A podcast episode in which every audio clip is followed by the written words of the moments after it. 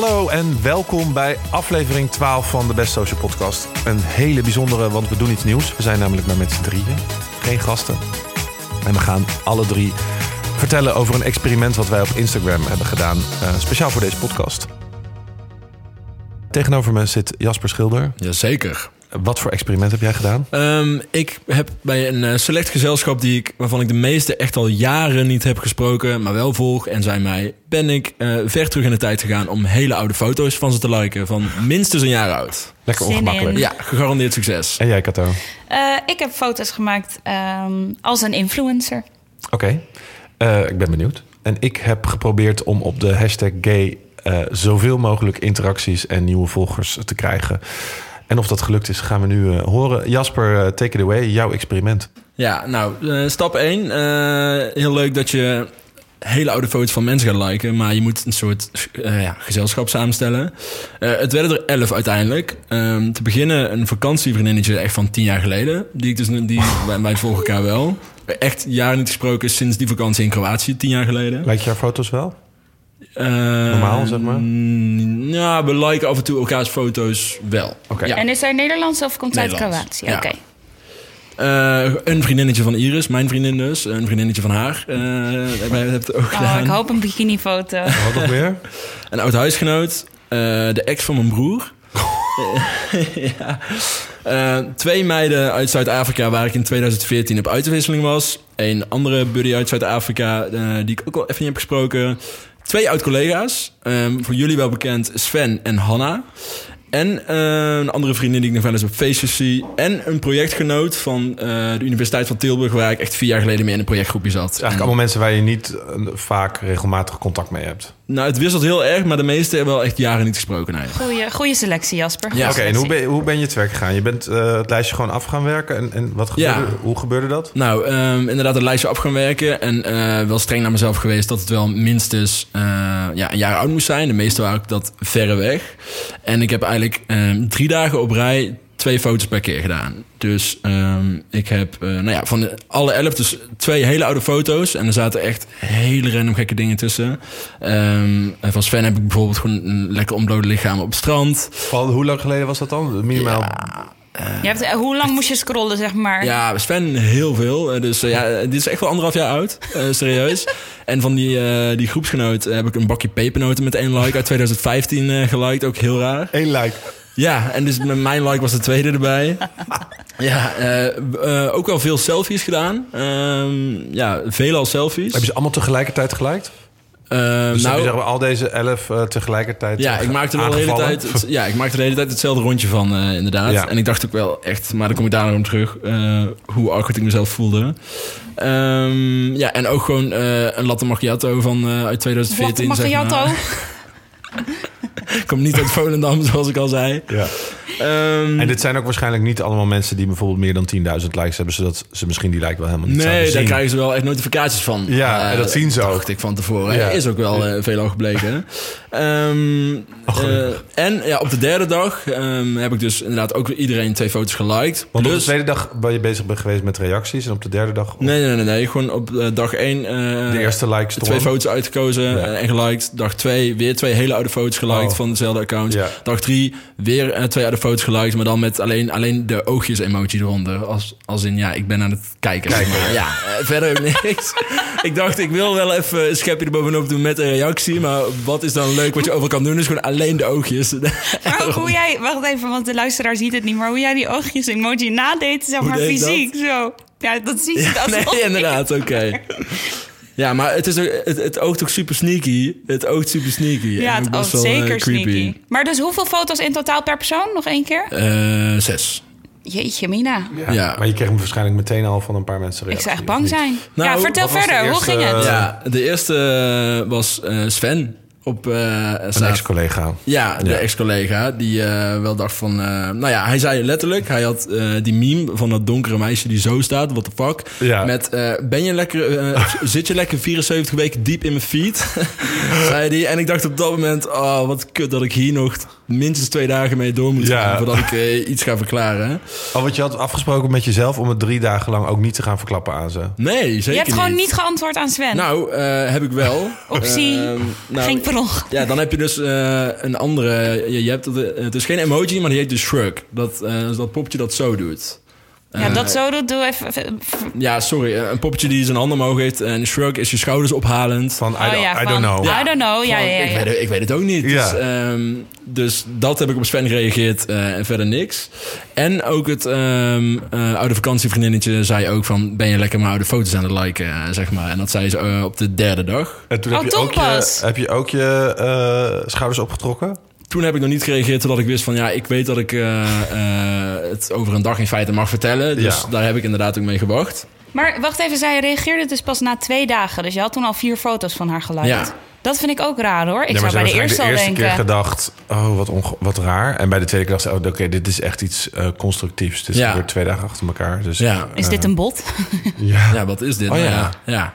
Dachten mensen dat niet? Nou, ehm, van de elf hebben er dus wel echt eh, maar drie gereageerd. Huh? Waarvan twee in mijn verhaal, of eh, twee gewoon in de chat van... eh, wat de fuck ben jij aan het doen? Ja. En toen ik de oogjes deed, toen reageerde iemand wel onder die oogjes van... eh, wat is dit in hemelsnaam, wat ben je aan het doen, zeg maar. Dat was die Zuid-Afrikaanse. Maar hoe zei hij het precies? Weet je dat nog? Ehm, Wat was zijn... The eyes are a bit too much of zoiets. Zoiets eh, zei ze, ja. ja. Ehm, dus dat. Dus, maar uiteindelijk dus maar drie eh, van de elf die zelf reageerden. Ja. Ehm, Dus toen dacht je, ik moet ze... nou, ik besefte wel heel erg. Ik denk dat dit zo'n actie is die misschien niet op social media zelf interactie onlevert, maar wel dat je in directe kringen gaat laten zien van Ja, wat, wat is, is deze Jasper vent aan het doen? Ja, Ja, dus Ja. dat- oh ja, zo'n screenshot maken ja, van dus ik Jasper dacht heeft een wel, foto ik, ik kom waarschijnlijk in, gro- in groepsapps voorbij of zo. Of gaan, ze gaan het sowieso aan, aan je, aan je beste vriendin, ga je dat wel laten je zien. eronder? Ja, heel, Heel onwennig. nerveus, ja. Best wel ongemakkelijk. En eh, de eerste avond deed ik het ook op vrijdagavond na 12 uur. Dus dat is ook een, echt een hele prachttiming om oude foto's van iemand te gaan liken. dat was een bewuste Alsof keuze. je- ja, op ik een dacht wel. Nou ja, precies. Ja, dronken op de bank. Ja, eh, die staat op Facebook, die zit eens op de wc. Die heeft een paar biertjes op, weet ik. Even nagenieten van Ja. de- hoe fijn het met diegene was. Ja. Met Sven zijn lichaam. Precies, ja. Maar ik, ik weet niet, ik- ik- natuurlijk kennen wij Sven, maar ik dacht van... Ja, het voelde ook gewoon zo niet goed dat hij, dat hij ook zo reageerde. Ik dacht van, oh, hij heeft nou zo meteen een hele andere mening over mij of zo, Ja. eh, dacht ik. Maar goed, Ehm, wat me wel gewoon wijs lijkt, is dat ik eh, gisteravond, eh, de laatste dag dat ik het deed, Ja. heb ik wel eh, tegen eh, heb ik iedereen wel geïnboxed van, Ja. yo, haha, eh, even de waarheid. Ja. eh, Maar deed je dat om een reactie uit te lokken of toch voor je eigen Nou, gevoel van ik schaam me toch een beetje, ik wil een verklaring hoe, hoe hebben ze geven? erop gereageerd? Wisten ze het allemaal? Hadden ze het Ehm, allemaal door? Dat wist het ook. Ik denk dat ehm, eh, drie mensen hebben uiteindelijk niet daarop gereageerd. Dus Ja. eh, eentje ervan, eh, die had het ook letterlijk niet door. De ex van mijn broer heeft ook nog niet gereageerd, zeg maar. Maar ik vraag me ook af of zij het heeft gezien, in alle eerlijkheid.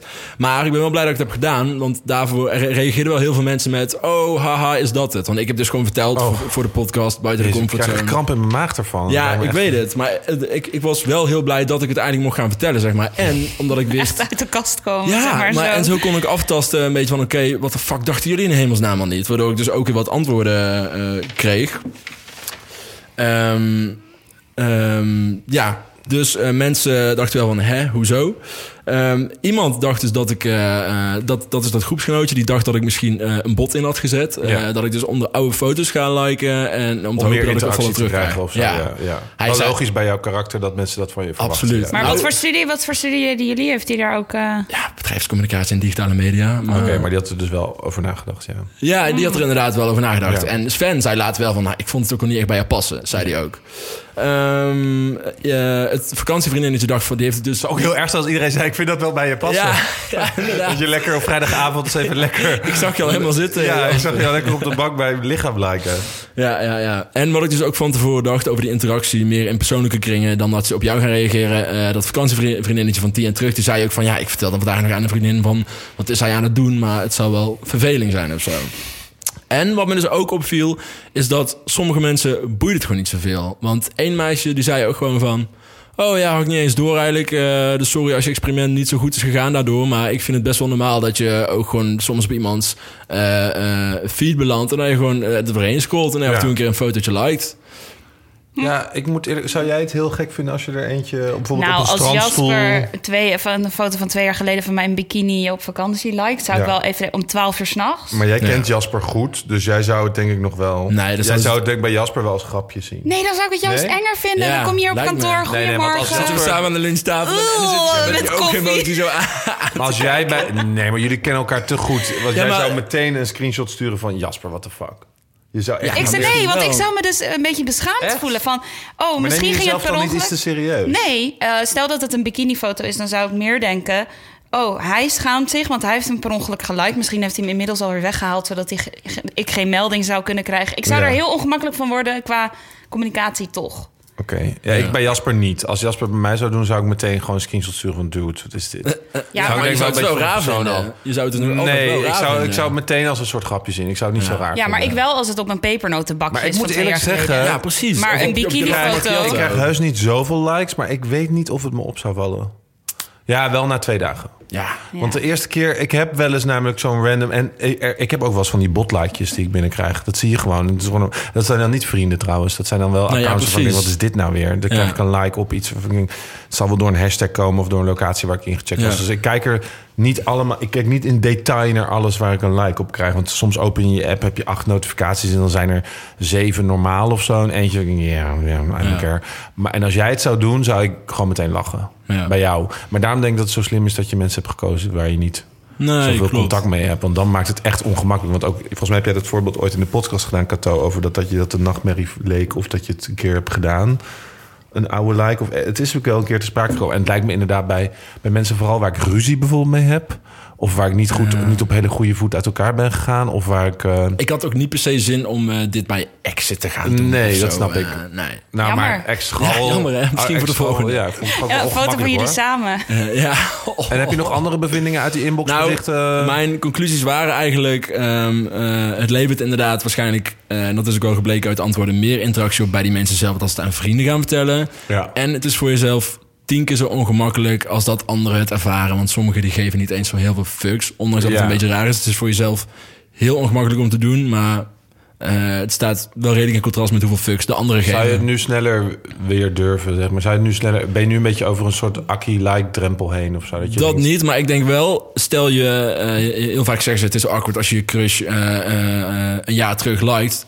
Als het je crush is, doe het vooral wel, is eigenlijk mijn enige Oh, ja. tip uiteindelijk. Ja. Dus, eh, en Hanna reageerde van, eh, eh, Hanna reageerde een beetje hetzelfde. Van ik ga ook wel eens vaker terug in andermans feed, dus, dus ik judge niet. Ex-collega Maar- Hanna. Ex-collega Hanna, excuses. Maar ze zei wel, maar wat ik bij Cato zag gebeuren, vond ik nog veel raarder. Dat zei ze letterlijk. Teaser. Dat is een mooi bruggetje. Katouw, jouw experiment. Ja, ehm, nou, ik heb ook iets gekozen wat eigenlijk best wel ver van mij afstaat. Ehm, want eh, ik plaats bijna nooit foto's van mezelf op eh, Instagram. En als ik dat doe, zijn het gewoon een beetje spontaan gebeurde foto's die iemand anders heeft gemaakt tijdens een etentje of zo. En Diederik heeft me ooit de tip gegeven van: hey, ik had als je meer volgers wil of meer interactie, mensen volgen jou om jou, niet om foto's van de jungle in, eh, in, in, in Tanzania of weet ik veel waar. Ja, niet alleen maar. Nee, nee, nee, maar- We hebben het ooit over gehad van... Toen had jij het er wel over gezegd van... misschien kun je iets meer jezelf laten zien. Ja, nou, nu klinkt en- het alsof ik altijd zou adviseren...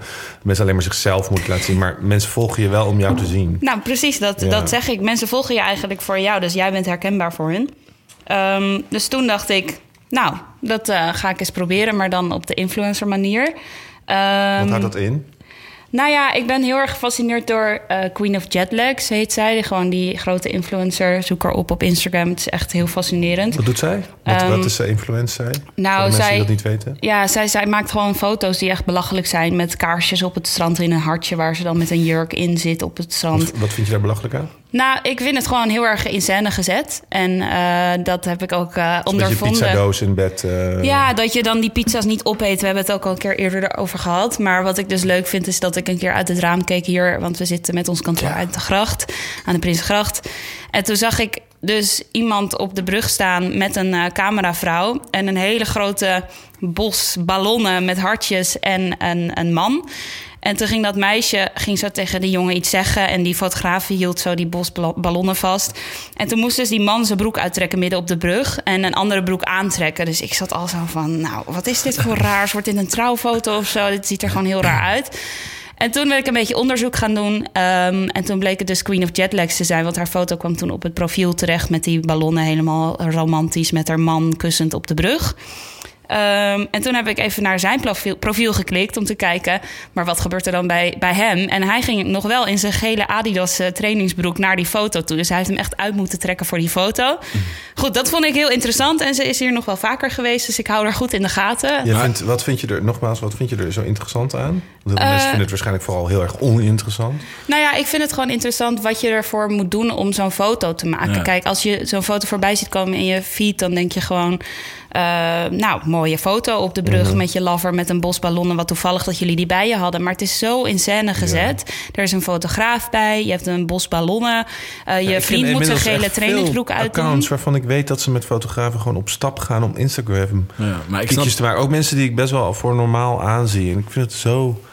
Raar, inderdaad. Ja, dus nu ook steeds persoonlijker. Maar goed, dus... Maar ik merk het wel, wat ik daar zelf over wou zeggen. Ik merk wel dat als je bijvoorbeeld op vakantie bent... ik ben bijvoorbeeld met mijn vriend... dan denk je wel soms nu van... oh, dit is leuk voor Instagram. En dan zegt hij wel eens van... kun je me dan nu op de foto zetten? En het voelt zo raar. Dan ben Ja. ik dus zijn Insta-husband. Maar daarom snap ik wat Cato zegt en is fascinerend wel het goede woord. Ja, ik vind er wordt ook zoveel fascinerend. in Nou ja, en vooral. Ook Omdat- omdat je soms zelf zo'n foto wil. Ja. Je wil soms zo'n toffe foto. En het, als je moet wachten totdat dat spontaan gebeurt... Nou, totdat je opeens een bos ballonnen in je hand hebt... en je vriend een ja, goede maar in het heeft. leven, soms is het leven helemaal niet zo fotografeerbaar. Nee. En je hebt wel Instagram. Dus Ja. dat is, wat doe je daarmee? Dat is interessant inderdaad. Maar Ja. inderdaad, maar dat is voor influencers weer in een heel ander level. Maar als Ja. ik even mag inhaken... maar ik denk dat iedereen daar wel soms mee speelt. Van, Maar ik heb het dus ook gezien. Ik ben dus in, afgelopen zomer in Positano geweest, Italië, aan, aan de Amalfi-kust. En eh, Cindy zei dan nog, onze andere collega, dat eh, dat ook een beetje een plek was waar best wel veel influencers kwamen. Queen of Jetlags is er ook geweest. En daar heb ik dus ook echt gezien, toen wij er aankwamen, dat je inderdaad gewoon verschillende kliekjes ziet staan. Eh, gewoon Ja. iemand, eh, ook zo'n blonde meid die op een trap aan het po- eh, poseren was met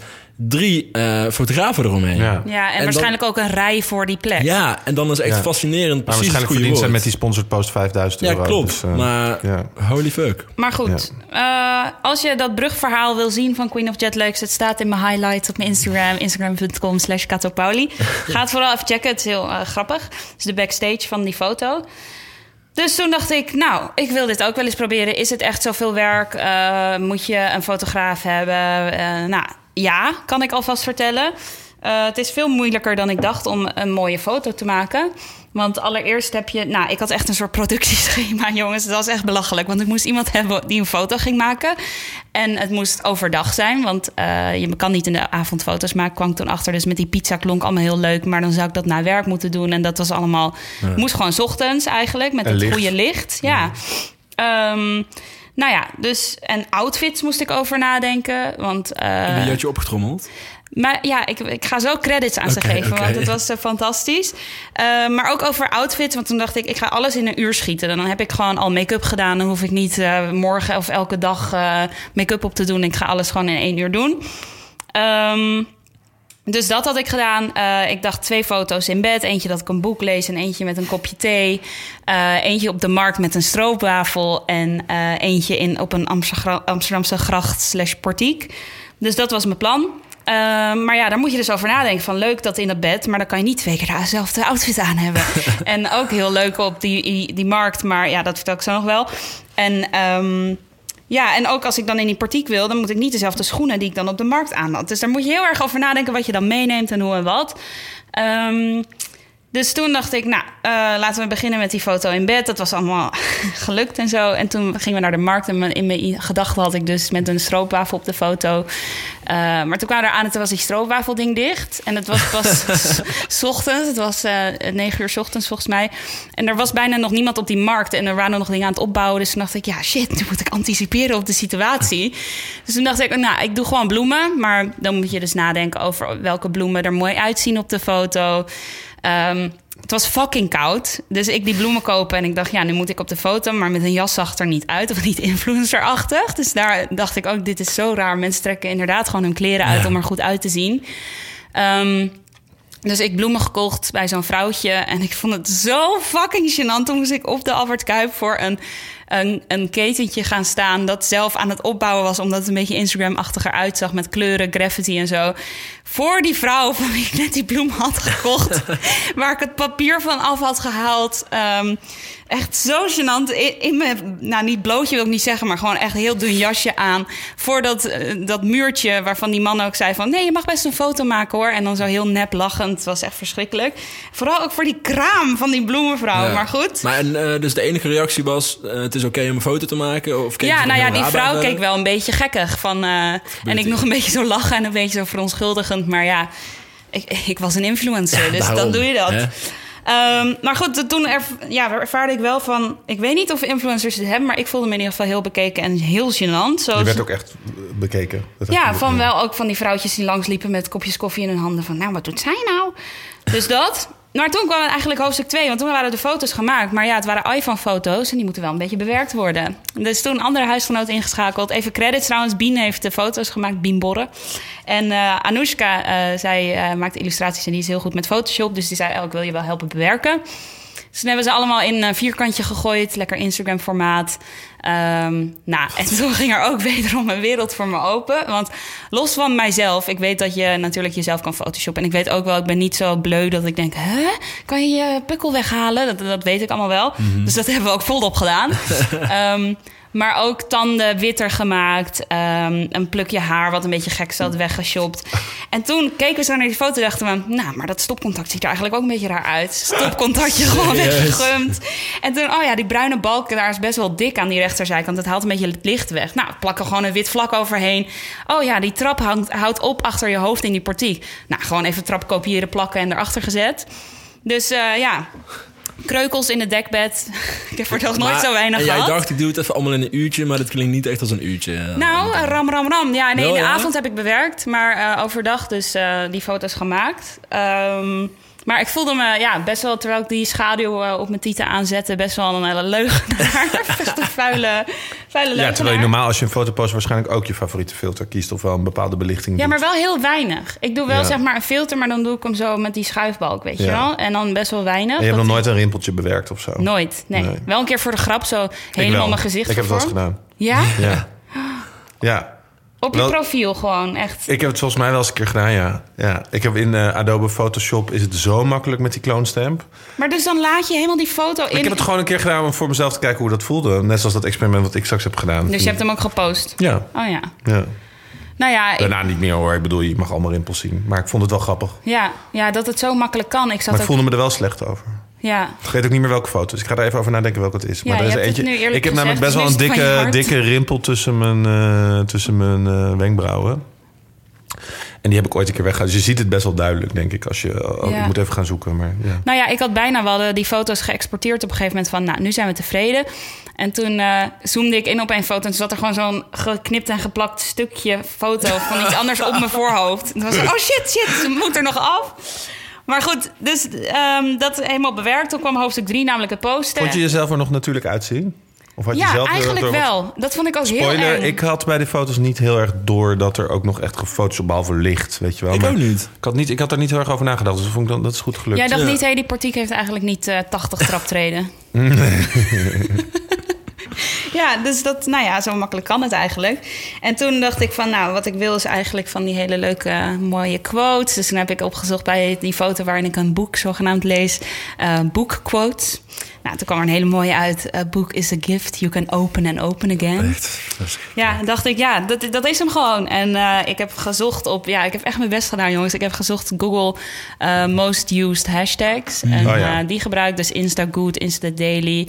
Dus ik had helemaal mijn copies geprepared, alle foto's gefotoshopt en klaar. En ehm, ik kon gewoon gaan posten. Dus dan hoefde ik het weekend niks meer te doen, maar gewoon alleen maar die foto's copy-paste. En dacht je- Maar Oké, ga door. toen dacht ik, foto 1, prima, die post ik gelijk even. Dus ik die foto, posten, eh, helemaal kant en klaar. Toen dacht ik, nou, het duurt wel lang met die likes. Ik gelijk boos van, nou, heeft het zo lang geduurd, één pokkenfoto. Ik had één like op die foto. Huh? Heel raar, maar wat het dus was... toen keek ik zo, dacht ik zo eerst heel boos natuurlijk en beledigd... van hoe kan dit nou? Echt een uur in die foto gestopt.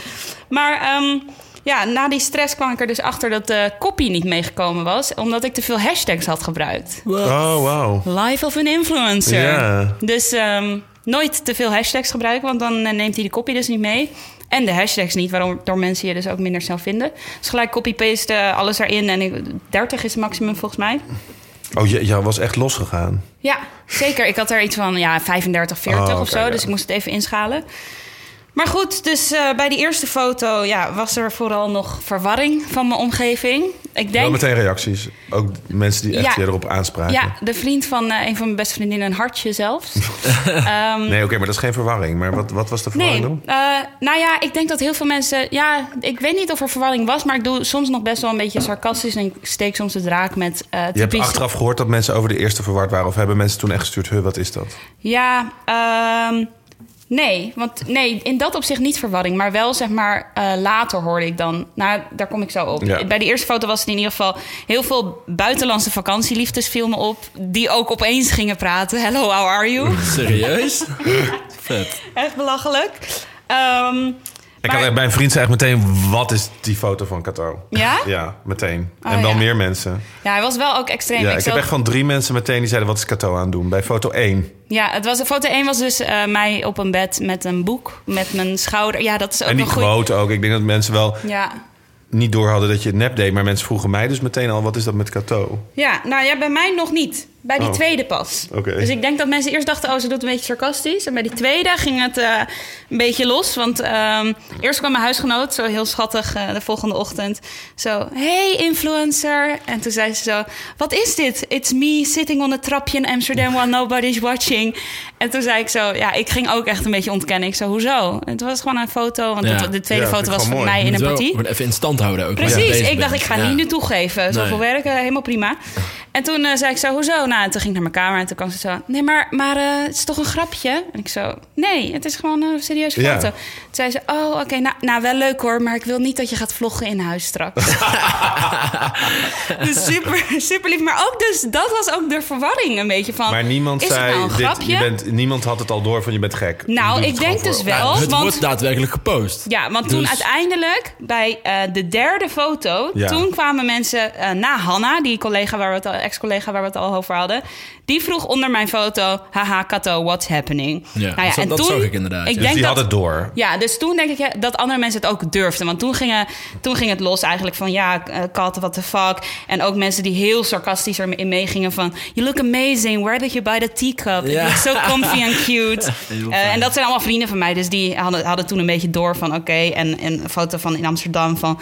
eh, want to visit Amsterdam too, your style is amazing. Do you have any tips where to go? Dat soort berichten kreeg ik toen. En ook dus inderdaad privéberichten, sms'jes van Kato, wat ben je aan het doen? Ik ga echt stuk. Draag me weg, kreeg ik van Josine, een vriendinnetje. En, ehm, Dus mensen vonden het vooral grappig. ja, en Sven Ja. die stuurde mij... eh, dit is jouw experiment, toch? En toen dacht ik, hoe weet hij van Oh, een experiment? Maar nu weet ik dat dat dus door Jasper Oh, ja. komt. Ehm, en mijn ouders, dat was eigenlijk dat was mijn lievelingsreactie. Ik, eh, ik kwam bij hun eten afgelopen zondag. Toen had ik er ook eh, drie gepost. En toen zei ik zo... eh, ja, hebben jullie... eh, want zij zouden er zelf nooit echt over beginnen.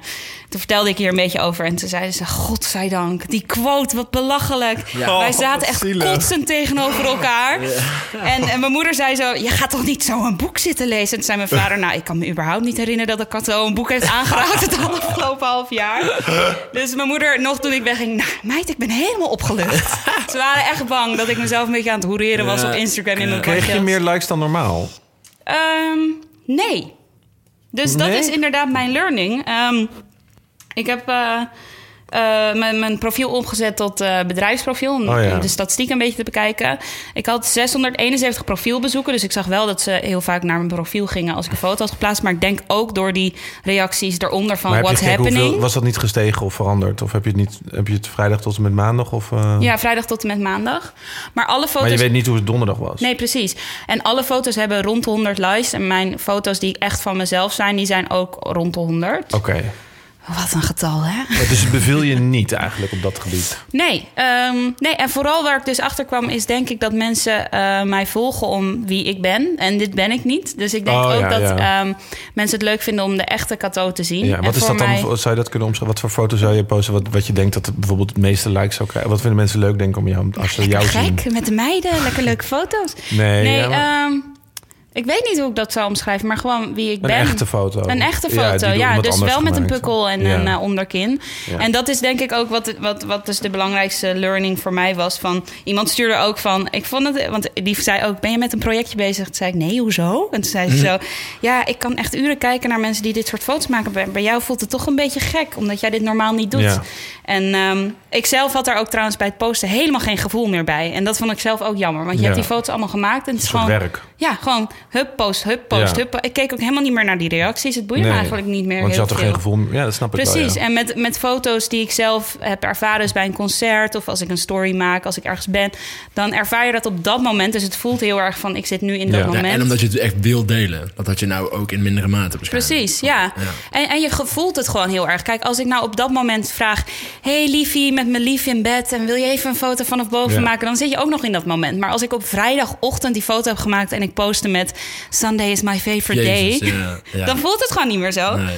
Dus dat was eigenlijk het beste. eh, en ja, ik heb eigenlijk gehoord ook van Sven, die stuurde mij dus ehm, van, eh, nou, eh, zo ken ik je helemaal niet. Deze eh, hoeveelheid foto's die je plaatst, het beeld, de tekst. En toen stuurde ik een onderkin selfie en toen zei hij, zo ken ik je weer. maar ik heb ook heel veel mensen gehoord die zeiden, we willen een vervolg en wanneer komt de volgende foto? Dus Nou, wie weet. helemaal druk. Ja, volgende keer freak shake en ballonnen op de brug, wie weet. Oké. Ja, ik heb geen vraag meer. Vond het Nee, heel eh, leuk. Ik zou wel zeg maar nog een extremere versie voor je willen bedenken. Maar dat gaan we een andere keer doen. Ehm, overigens hebben we, eh, zouden we het heel leuk vinden als jullie nou denken... eh, je moet dit nog gaan doen of andere experimenten die nu al te binnen schieten. Dan zijn we daar heel erg benieuwd naar. En willen we ons ook wel laten uitdagen door jullie om nog experimenten voor ons te bedenken. Dus als je nu al te binnen schiet van... oh, dat lijkt me ook heel erg leuk als ze dit doen... Ehm, Doe, doe er nog een schepje bovenop. aan het einde van de aflevering leggen we dat nog even uitgebreider uit, maar schrijf ze even op. Eh, dan eh, mijn experiment. Oké, ja, ik, ehm, ehm, ik ben eh, gay. En dat is ook een hele Instagram-wereld aan zich. Met ook natuurlijk allemaal influencers, maar ook heel veel ontblote bovenlichamen en heel veel gedate en heel veel soort van aandachtslikes en heel veel profielen die allemaal met botjes hashtags zitten te liken. En het fascineert me altijd best wel. En ik heb in het verleden ook wel eens gezien dat ik bepaalde mensen volgde en dan dacht ik de hele tijd. Als je naar zeg maar, dat eh, scherm van je hebt die notificatie en als je opzij schrijft kun je ook zien wat andere mensen aan het liken zijn. En ik dacht, wat is diegene aan het doen? Is diegene aan het proberen om meer volgers of zo te krijgen? En ik dacht al van misschien is het wel leuk als ik gewoon extreem veel zelf begin met de hashtag gay liken. En dan kijken wat er gebeurt. En dan kijken of ik daaruit, zeg maar, of ik meer interacties kan krijgen, meer volgers door alleen maar de hele tijd alles te liken wat met hashtag gay te maken. Gewoon zelf. Dus dat was jouw eerste stap? Dat was mijn eerste stap. Ik dacht wat er dan gebeurt. En dan kijk ik daarna voor hoeveel extremer ik het kan maken. En ik laat me een beetje leiden door wat er gebeurt. Dus ik ging beginnen met eh 20 of zo. Je kan dan op de hashtag gay eh, zoeken. En dan krijg je een soort pagina waar je de meest populaire eh, hashtag gay berichten kan vinden. Dus die het meest gelijk zijn. En de meest recente. En ik dacht, ja, die meest populaire die ga ik niet doen. Want die mensen krijgen al 10.000 likes of zo. Dus die gaan mij dan vast niet iets reageren. Dus toen deed ik het op de meest recente. Maar toen had ik met mezelf afgesproken dat ik eerst echt alles zou liken wat daar gepost wordt met hashtag gay. En dat, was, dat is echt heel ongemakkelijk. Want dat is echt. eh, nou, het, het varieert tussen echt regenboogvlaggen met quotes in het Braziliaans over dat eh, er meer rechten Ja. voor gays moeten komen. Tot aan drag queens, maar tot aan ook echt. Ik heb een nieuwe dildo gekocht met echt gewoon een hele grote dildo. Of, of hele le- heftige leerpakken met maskers en gasmaskers. En, en, en gewoon ook hele dingen die ik echt nooit zou liken. Dus het kostte heel veel moeite. Ja. Ehm, dus had, dat heb, had ik ook last van. ja, precies. Ik moest daar echt wel over een stap heen. Want ik heb voorheen ook wel eens gewoon op een soort like spray, spray gezeten voor de grap. Dat heeft misschien wel meer mensen dat wel eens gedaan. Ik gewoon ook, nou, ik ga een paar foto's liken die ik zie. Maar dit voelde echt heel moeilijk om dan alles te liken. Omdat ik me zo bewust ben dat ik eh, meer dan 3000 volgers heb. Die het potentieel dus allemaal kunnen zien wat ik aan het liken ben. Dus ik maakte me daar al meteen heel erg zorgen om. Maar ik kreeg echt na 20 likes kreeg ik al twee eh, nieuwe volgers erbij. En die waren vanuit dat, denk je? Of was het Ja, ook want ik deed, je- had ook expres niks gedaan daarvoor of Oh, zo. ja. Dus het was echt zo uit het niks. En die kreeg ik ook meteen op dat moment, meteen toen ik refreshte mijn notificatie, dan kreeg ik twee likes bij. Dus dat voelde wel van, oh, dat is best wel veel effect. Ehm, maar ik was ook wel een beetje bang dat Instagram me ging blokken als ik allemaal rare dingen ging liken. Dus daar maakte ik me ook een Ja, beetje is zorgen het ook om. niet een beetje botgedrag, zeg maar? Als in dat- Ja, dat precies. Daar bot, maakte ik eh, me ook een beetje zorgen om. En ik heb trouwens ook even gekeken aan het begin wat mijn statistieken waren. En ik had 213 profielbezoeken. eh, die week gehad. Want ik, heb al, ik had het al business eerder een weekje daarvoor gezet. En ehm, ik had 3182 volgers. Ehm, nou, er waren allemaal mensen die me dus terug gingen liken. Ook een jongen in een blauwe die alleen maar foto's in zijn, in zijn onderbroek maakt. Een blauwe onderbroek ook. Nee, ja, het was, die foto was in het blauwe onderbroek, maar hij heeft dan een heel account met alleen maar. Het is zijn onderbroek. Sally. ja, en toen had ik iets fascinerends. Toen kreeg ik een DM-bericht meteen eh, van iemand die mij een bericht stuurde. En het ging als volgt. Hi, do you want to buy shoutouts on my page? Nou, hij had dan 380.000 followers. En dan kun je dus een shout-out krijgen van vijf van soortgelijke pagina's. Dus vijf keer 300.000. Dus dat is van 1,5 miljoen eh, volgers die hij had. En dan kon ik via een PayPal-service... kon ik dus shout-outs van eh, accounts krijgen met mannen erop. Dus, eh, Maar dit was niet spam, want ik krijg ook wel eens ja, tuurlijk, van... maar, hey, wil lick spam. maar hij deed dat natuurlijk omdat me. ik een foto likte van een van die accounts. dus ik, hij had waarschijnlijk door dat ik zat te, te eh, proberen meer volgers te Ja. krijgen, handmatig. Dus hij zei, nou, kan je wel een handje helpen? Hier is ehm at awesome guys Insta, is dat? Flink handje. At glam, Glamorous Boys, at Exclusive Boy Insta en at Magnific Man en at Muscular Boys. Die zouden dan alle vijf mij een story sheet met mijn foto uitgooien. Echt naar een miljoen mensen of zo. Eh, wat me waarschijnlijk heel veel nieuwe volgers had opgeleverd. Eh, twi- 20 US dollar voor één foto, plus een story, 30 US dollar voor twee foto's en twee stories die je dan op al die accounts krijgt. Nou, best wel een koopje. Eh, dus ik had meteen aan de jongen gevraagd van, doe je dit vaker en zo? Maar hij ging dan meteen, toen ik kritische vragen stelde eh, eh, en toen ik er wat meer op inging, toen delete hij al die berichten die hij naar me gestuurd had. Vond ik ook wel grappig. Toen zei ik, oh, kon niet lezen. Ik ben toch geïnteresseerd. Kun je nog even terugposten, zodat ik het met jullie kon delen. En, eh, en toen zei hij meteen, I'm not the boss, I cannot help you.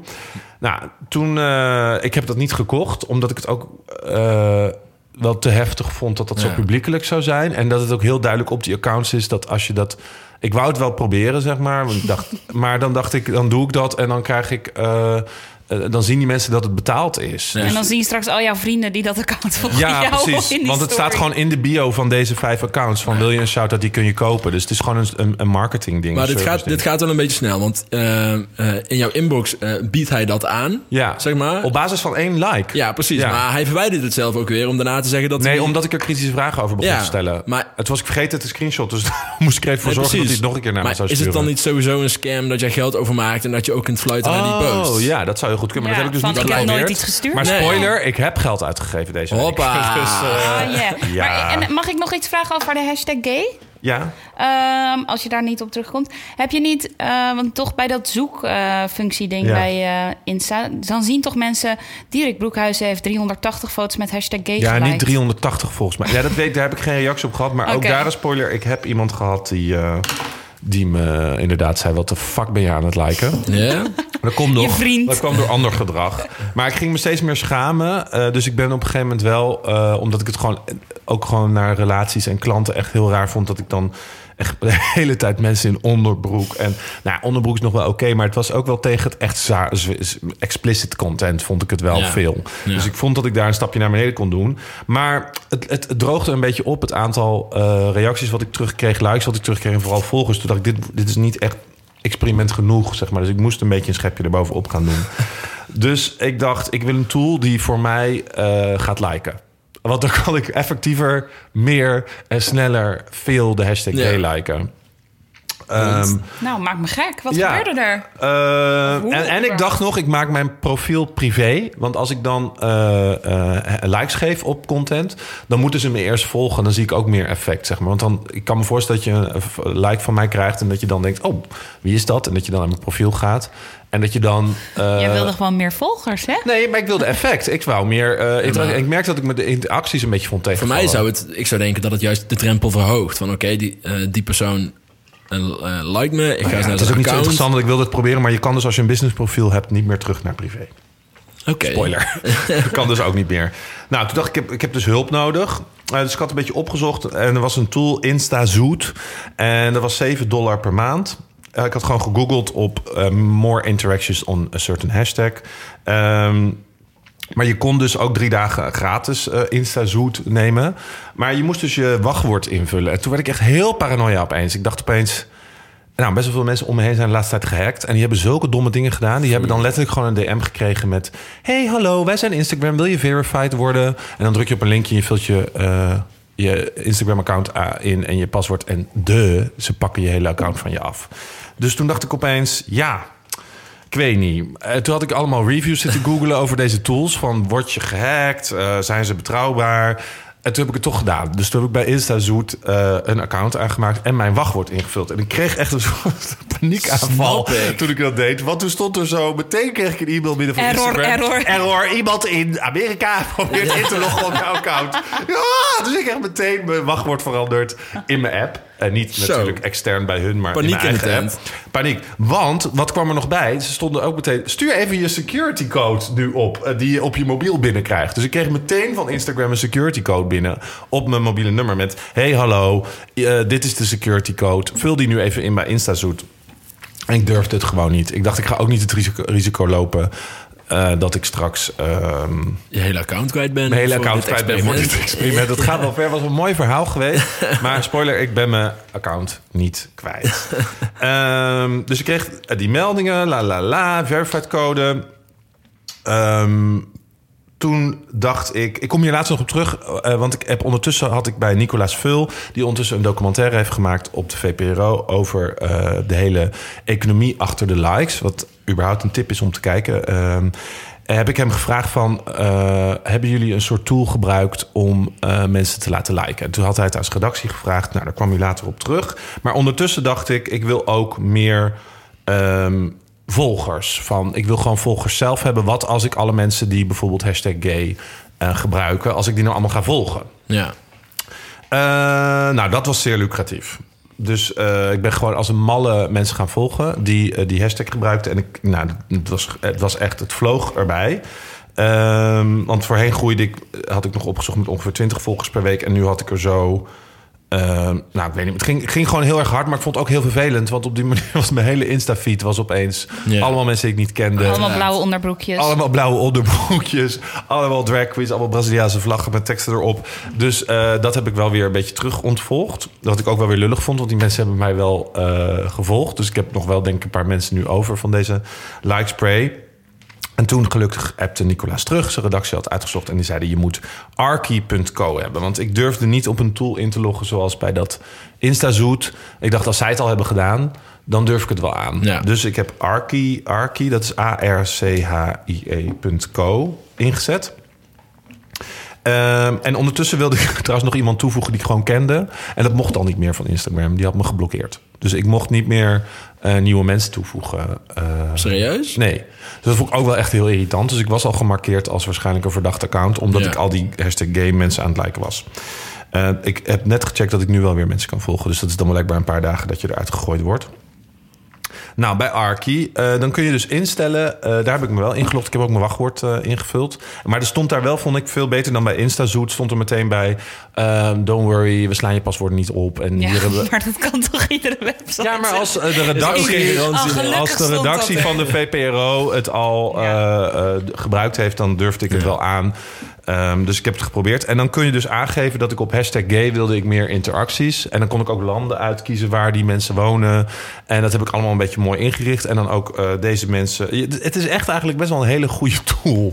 Om heel eerlijk te zijn. Het was zo uitvoerig wat je allemaal in kunt vullen. Ik dacht, ik ga allemaal tactisch. En dan kon je ook accounts invullen waar die mensen affiniteit mee zouden moeten hebben. Dus ik heb gewoon bijna alsof je een Instagram-campagne Ja, doet. Maar dus, dit is ook waar die influencers van Kato met HSTL waarschijnlijk eh, wat ze ook toepassen. Of Zeker. een Dit, tool dit ze ook is, gebruiken. ja, want om heel eerlijk te zijn, als ik het gewoon moest reviewen op functionaliteit, echt een supergoeie tool. Amazing. Amazing, arky.co. Het heeft mijn leven Maar het is dus veranderd. best wel bizar. Die app gaat vervolgens, als je dat ingericht eh, gericht hebt, gewoon voor jou elke vijf, tien minuutjes zodat Instagram dat niet doorheeft dat je een bot bent... of dat, je dat, dat dat door iemand anders wordt gedaan. Mhm. Eh, gewoon eh, hashtag liken voor mij. Dus ik hoef er niet meer naar om te kijken. Dus ik heb dat eh, op de tweede dag aangezet. Tot aan, liep volgens mij net af. Dus het heeft zo'n... En, eh, en hoeveel geld? Geen geld. Geen geld, het was voor drie dagen gratis. Dus ik kon Eh, gewoon... ik ben zo terug. Dus je kon voor drie dagen gewoon op één hashtag iemand aanzetten die precies gericht voor me likte. En eh, nou, de likes begonnen, de volgers en de likes be- begonnen echt binnen te stromen. Ehm, want ik heb in totaal volgens mij door het account. Ja, het account zegt dat ze voor mij in drie dagen zo'n 45 interacties veroorzaakt hebben. Maar het was echt veel meer. Het was echt. Nou, gewoon elke keer als ik mijn app refresh, had ik weer nieuwe volgers erbij. Maar echte volgers. Want die mensen hadden gewoon een echte oprecht. Dat is het enge eraan. Die mensen hadden gewoon echte oprechte like van mij gekregen eh, op een foto. En vonden dat blijkbaar relevant genoeg om mij dan terug te volgen. Dus eh, ja, ik vond dat eigenlijk best wel Ja. confronterend eigenlijk. Ja, dat dus je hoeft ook helemaal geen... eh, niet naar de Albert Kuip, niet in bed met een kopje thee. gewoon Nee, die als je een influencer bent, want je kan het dus, ja, ik weet niet, het is niet duur om dit gewoon forever aan te zetten. Dat kan voor, denk ik, een tientje per maand kun je een bot en dan echt elke dag 20, 30 volgers erbij van mensen die jou interessant vinden. Ehm, ik kreeg wel meteen van een vriend eh, Flo eh, de Goede.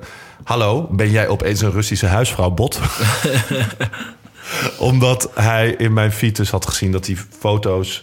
Ja, ik, ik heb ook wel gezien... Je kan dus in de app dan ook nog inloggen... en je kan precies zien wat die eh, bot voor je aan het liken is. En het was gelukkig allemaal niet explicit. eh, maar het was juist allemaal heel erg van... Inspirational quote. Ja, onder andere, maar ook gewoon vergezichtjes en rare toeristische foto's. Maar hij pakt wel echt foto's die net gepost zijn, wat best wel slim is. Dus hij pakt allemaal foto's van 19 minuten geleden. En eh, ook gek genoeg dingen zonder die hashtag, maar dan waarschijnlijk relevant in die, in die community. En, eh, want heel vaak controleerde ik als ik een nieuwe volger had van, oh, eh, waar komt deze volger vandaan? Dan ging ik terug naar het profiel en dan had ik die foto geliked. Dus dat is ook Ja. heel raar om te zien. Dan klik je dus weer op dat profiel. Dan staat er gewoon een hartje bij die foto. Dat ik dat niet, heb ik echt Nee. niet zelf gedaan. Ehm, nou. eh, Praten we nu wel nog met Diederik? ja, ja, dat wel. Ehm, eh, ik heb dus dan eh, vervolgens de documentaire van eh, Nicolaas Vul gekeken. En daar zat één dingetje in. Dat je echt heel makkelijk gewoon voor een paar dollar... ook een hele grote bak likes op één foto kan doen. En ik had de afgelopen week ook een foto met hashtag gay geplaatst zelf. Om het nog een beetje eh, zelf ook mee te doen aan, eh, aan dit. Ook lekker herkenbaar voor die mensen die mij terug wilden volgen... dat ik ook een foto met hashtag gay heb. Gewoon spiegelen. Spiegelen, precies. Dus ik heb eh, ook nog voor eh 10 dollar 1500 likes gekocht eh, op één foto. Wat? Ja, dat heb ik net gedaan. Eh Welke foto? eh, het is een foto voor mij eh, tussen de plantjes. En die had eh, 380 eh, echte likes. En die heeft nu inderdaad 1880 eh, likes. En dat is, echt, nou, het is echt een heel bizar moment. Want A, wat ik er dus heel frappant aan vind... je hoeft niet in te loggen. Je kan gewoon zeggen, dit is mijn profiel. Vervolgens laat hij je foto's in.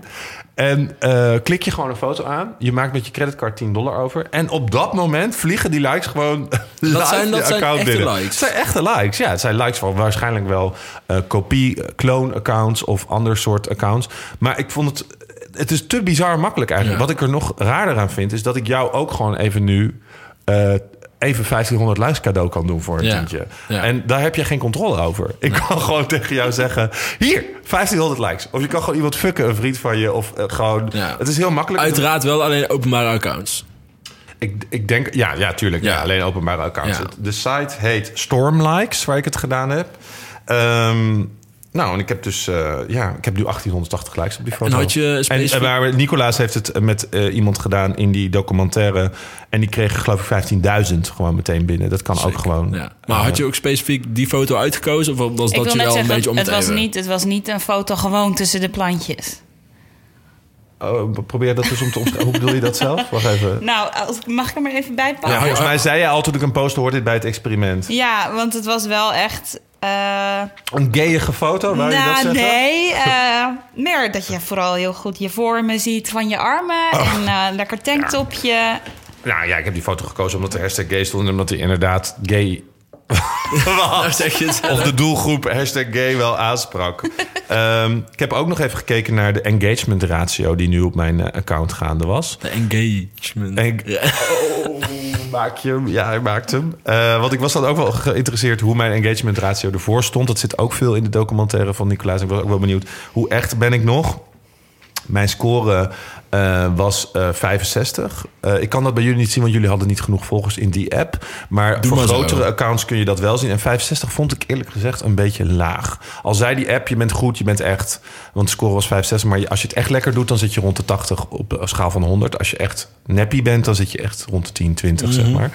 Eh, dus dat vond ik... Maar hij vond mijn engagement en mijn comment ratio wel heel goed. Niet zo gek ook natuurlijk met deze actie. En vervolgens heb ik op instacalculator.nl nog eh, interacties per million eh, berekend. Ik vond het gewoon überhaupt interessant. Het hele bot dingetje en het hele like dingetje. En spoiler, maar Jasper doet het het best. Jij hebt per duizend volgers 200 interacties. Nou heb jij, weet niet, 500 Ja, eh, volgers precies. of zo. Dus jij hebt een hele hoge. Jij hebt dan 100 interacties per 500 man. Dus jij doet het het beste. En dan Kato. eh, met eh, 143 interacties. Natuurlijk logisch, ook na deze eh, periode. Dus je krijgt op eh, per duizend eh, volgers 143 reacties. En ikzelf ehm, stond op eh, 94 voordat ik eh, dit deed. En stond op iets van 150 of 140 of zo nadat ik dit heb gedaan. Want hij bereikt het volgens mij over de drie of vier laatste post. Wat daar het gemiddelde Oké, aantal ja. reacties op zat. Vond ik wel interessant. En dan kun je dus iedereen invullen die je kent. Dat is best wel confronterend. Ja. Ehm, kun je ook beroemde Nederlands invullen. Eh, en dan zie je dus eh, bijvoorbeeld dat Nicolaas Veul zelf, die de documentaire heeft gemaakt, op een ratio van 35 zit. Wat heel laag is, maar dat komt ook omdat hij eh, 6000 eh, volgers gekocht heeft in de documentaire. Right. Maar wat zou jou, eh, als je al eh, bij de conclusie bent, wat zou je Eh, ja, daar ben ik wel. Conclusie. Nou, ik vind het echt vervelend hoe makkelijk het allemaal is. Dus ik vond het eigenlijk... vooral als je er gewoon naar op zoek gaat... en je pusht jezelf om over een bepaalde grens te gaan... vond ik het schrikbarend makkelijk allemaal... om meer interactie, meer volgers te krijgen... op een eigenlijk best wel natuurlijke manier. Want het is best wel echt eigenlijk. Ja. Vooral die, die, die, die... Ik vond het ergste die tool, dat archi.co... dat je dus likes, botjes kan aanzetten... om dingen vanuit je eigen account te liken... die eigenlijk voor jou relevant zijn... waardoor je relevant volgers krijgt... die jou willen terugvolgen zelf. Ze hebben zelf die keuze gemaakt Ja. om mij terug te volgen. Dat vond ik er wel heel eh, eng aan. En misschien ergens ook een beetje te leuk, te goed. Het is eigenlijk... Het, het is, ik snap dat heel veel mensen hiervoor vallen. Om, eh, om een keer volgers te kopen. Of, en ik vind het ook heel raar... Ik denk dat je dus ook 10.000 volgers... Ik kan bijvoorbeeld Cato gewoon heel erg fucken... door morgen 10.000 volgers voor haar te 4 kopen. mei ben ik jarig. Ja, maar dat is verschrikkelijk. Want dan zit je dus met een account... waarvan iedereen die er een beetje verstand van heeft... meteen kan zien Ja. dat het ja, allemaal en je hebt ook helemaal heeft. geen interactie Nee, meer op je post. dat is en compleet uit gewoon- verhouding. dan. Ja, en wat ik me ook cijfer. afvraag... hoe kom je weer van die volgers af? Als je dat niet zou willen. Ja. Ja, dan moet je ze allemaal weer gaan blokken, Misschien denk is er ik. daar wel Ja, weer een ja. website voor waar je... Ja, maar een, een een paar dollar zo. uit Nou, geven. waarschijnlijk wel. Ik denk dat dit gewoon Ja. onwetendheid van ons is. Maar jouw hele verhaal klinkt bijna alsof je het hele weekend mee bezig bent geweest. Nou, ben Misschien er, is het wel, totaal niet. ben er wel, dus ik, ja, je bent er wel heel veel. Nou, het valt wel mee, want die bot heeft gewoon uit zichzelf. eh, dus het was meer research, wat veel tijd heeft gekost. Want ik was het op een gegeven moment helemaal zat om zelf die hashtag te liken. Dat vond ik voor Ja. En dat vond ik echt verrassend niet effectief. Want dat moest ik handmatig doen. Ik denk dat een bot dit beter kan bepalen. Want waarschijnlijk heeft die bot, dat vermoed ik, dat die tool dus zo goed is dat hij ook accounts uitkiest die een hoge likability hebben om terug te, eh, terug te volgen. Ja, juist. Want ik, al die accounts die mij terugvolgen hadden allemaal dan volgden ze zelf à la ons, weet ik veel, 400 man of zo. Eh, nee, ze hadden zelf 400 volgers of 500 volgers of zo. En dan volgden ze 6.500 mensen. Dus misschien zit daar ook wel een bot achter Ja. bij hun die mensen aan het volgen is om meer volgers te krijgen. Nou ja, al met al vond ik het gewoon schrikbarend leuk. Ja, ik vond het schikbaar Toch niet wel. leuk. Ja. Ja, ik vond dit schrikbarend Ja. leuk om te doen en om te zien wat je kan doen met je interacties. Ik ben wel blij dat het, ik zei wat ik vandaag al eh, liet weten, van, ik ben ook wel heel blij dat het nu voorbij is. Ik ben blij dat ik al die botjes uit kan zetten en zo. Ja, Ik wil, wat ga je wil ook weer er heel niet graag mee nu doorgaan gewoon. nu? Omdat het zo, je hebt er wat van geproefd. Het Nee, want ik voel wel lekker. wat. Ik heb nu bijvoorbeeld ik heb nu dus 150 of zo, of 160 nieuwe volgers door dit experiment. Een paar door dat terugvolgen. En een heleboel door Arki.co. En ik heb dan 500 nieuwe volgers op de poot. Maar ik voel ook heel erg dat ik er wel weer van af zou willen van hun. Want het zijn mensen die ik ken. Het zijn volgens mij mensen die me nooit meer gaan zien in hun timeline. Want ze hebben 6000 volgers die ze überhaupt al terugvolgen. Dus het voelt heel erg van. Een beetje loze lege, Loos. Ik vind het heel leuk om volgers te hebben die mij volgen, omdat ze mij ook echt willen volgen. Ik vind het ook heel leuk om zelf mensen te volgen, omdat ik ze echt wil volgen. En meer is het niet. Dus ik vind het zelf heel loos. Maar ik vind het. Ik zou het iedereen aanraden om, vooral als je Ja. ermee werkt, om er zelf eens mee op zoek. Want het is Ja. Wel schrikbarend wat allemaal kan. En ik denk dat Instagram ten eerste moet Instagram, eh, wat ook de documentaire trouwens zegt, dus dat ondersteun ik, die moet hier wel meer gaan tegen vechten dat het gewoon niet zo makkelijk is om zo eh, die, heel makkelijk kunnen bots tegenwoordig dus accounts gewoon één op één kopiëren en vanuit die accounts ze maken gewoon een nieuw account aan, ze kopiëren jouw hele account als dat openbaar staat en gaan vanuit daar gewoon andere Ja. accounts lijken. Wat is nu gewoon een economie? Want ik heb ook geld betaald om 10 dollar 1500 likes te krijgen, dus Ja, in feite zijn alle posts op Instagram echt slechts het topje van de ijsberg. echt een topje. En er zit echt. echt, een, ja. een, een ijsberg en vuilnisbelt. Ja, er zitten echt mil- miljoenen Ja. accounts die allemaal... En je denkt, ik dacht voorheen, voor dit experiment... en ook voordat ik de documentaire zag... het is een soort AI-botjeswereld en je ziet dat zo. En als je naar een account gaat, heb je meteen door dat het allemaal nep is. Maar nu zie ik wel, oh jee, er is ook heel veel echt Ja. nep. Of hoe leg je het uit? Het wordt heel veel gedrag, zelfs van mensen die jij en ik kennen... wordt waarschijnlijk door botjes gedaan. En er zitten in Rusland gewoon mensen accounts te kopiëren en, en ook echte acca- betaald comments te geven op dingen. Ja, ik vind het echt shocking. Ja. Dus eh, wel een openbaring. En het heeft me ook een beetje een vieze nasmaak over Instagram gegeven. En ook gewoon het medium als zich. Dus dat eh, vind ik er minder leuk aan. Ja. Nou, was met weekendje wel voor ons dan Ja. eh, al met al. Ja, al met al wel heel... Ik vond het een heel leuk experiment om Ja. het experiment te doen. Denk jij nou... Ik weet nog een veel leuker experiment voor jullie. Eh, en vond je dit een leuke aflevering en denk je... eh, ik zou er wel nog eentje willen horen? Stuur ons dan eh, jouw experiment. Dat kan op eh, een heleboel verschillende manieren. We hebben een Facebookpagina voor deze podcast. Dat is de Best Social Podcast. Daar kun je een berichtje achterlaten of ons een bericht sturen... of op de wall iets plaatsen of reageren op een van onze berichten. Eh, dan hebben we natuurlijk eh, in de iTunes-app... kun je naar onze pagina, die ook de Best Social Podcast heet... daar kun je abonneren, maar ook een review achterlaten. Je kan ons ook via de kanalen van de Best Social Media... bijvoorbeeld een privéberichtje sturen met jouw experimentidee... Of stuur een voice memo naar het bekende adres. Eh, maar we hebben het telefoonnummer nu niet opgeschreven. Dus kijk even in de omschrijving van deze. eh, Hou je nog te goed. Hou je nog te goed. Ja, kijk en zit even. je nou, we hebben nu niet Instagram genoemd, Ja, ik maar je even kan de zin onder afmaken, de jungle-foto van Diederik mag je ook een experiment reageren. Ja, onder de juggle-foto van Diederik. Mijn eh, Instagram is Diederik Broekhuizen. En dat hoor je zoals je denkt dat je het schrijft. dat schrijf je zoals je denkt dat je het schrijft. Of hoort. Diederik Broekhuizen. En dan Kato, jouw Instagram is... Kato Pauli. Ja, dus dan kun je haar mooie Instagram-foto's eh, bekijken. Ik vroeg me af, kun jij misschien eh, eh, een blog maken of stories uploaden met de original foto's? Ja, Zonder de- zeker. Zonder, ja, zonder bewerking. Swipe voor de ja, lijkt bewerking. me ook leuk voor een blog. Of misschien kun je ze in stories zeggen. Maar Ja, dus- dat. Nou, heb ik toch nog even ons telefoonnummer eh, Oh, uit mijn broekzak getrokken. Nou ja. Dat is eh 06 2399 2158. herhaal. Dus ehm 06 2399 2158. Dus voeg dat toe onder de naam eh, Experiment of de Best Social Podcast of Jasper Net wat je wil. Schilder uit Volendam. En eh, stuur ons dan een berichtje. Dat mag gewoon een tekstberichtje zijn met ik vind dit, ik, ik doe dit experiment alsjeblieft. Ehm daag ons uit. Of stuur gewoon wat je van dit vindt. Of stuur ons een voice memo. Spreek het even in. Dan kun Of- je dat of- misschien hoor je jezelf terug in de Of volgende stuur een andere gekke ervaring die je zelf met Instagram hebt gehad. Of eh, like een foto van Jasper van twee jaar geleden. Of stuur een recept voor een goede overschotel. Hoppakee. Mag ook Even allemaal. rustig blijven, ja? Jeetje. vet. Lekker Ja, vet. Wat is jouw Instagram? Eh, het Jasper Schilder. Wat kunnen de mensen daar vinden? Ja, niks. Heel veel interactie. Veel minder bij jullie. Heel veel interactie. Precies. En ehm, we zijn over twee weken weer terug. En dan hebben we niemand minder te gast. Spoiler. Doe maar gewoon Ja, niet. komt ie. Want waarom Lise? Korpershoek komt terug. Wij gaan namelijk een extra dolle kerstspecial met haar opnemen. Dus, eh, En je- voor alle nieuwe luisteraars zijn was onze allereerste gast. ja, dus als je die nog niet gehoord hebt, ga dan eerst even terug naar de allereerste aflevering. Want daar komt dan nu over twee weken een vervolg op. Eh, wat hebben we verder nog te zeggen? Niet zoveel. Nee, bedankt voor het We luisteren. love you long time. Bedankt Ja, dat je het weer tot het einde hebt volgehouden. Lekker bezig. En tot de volgende keer. Groetjes. Doei. Doei doei.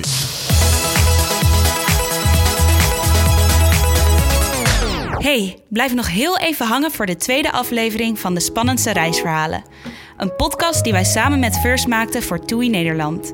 Je hoort hierin de reisverhalen van bekende Nederlanders en in deze aflevering hoor je drie travel influencers over reizen en liefde. Aan het woord zijn Nikki, Ik had wel een beetje kriebeltjes. Larissa Zullen we gewoon echt in het buitenland ons eerste date gaan hebben? En Carmen. Toen kwamen we aan en toen hebben we een scooter gehuurd. En toen ging ik natuurlijk bij Tarzan achterop.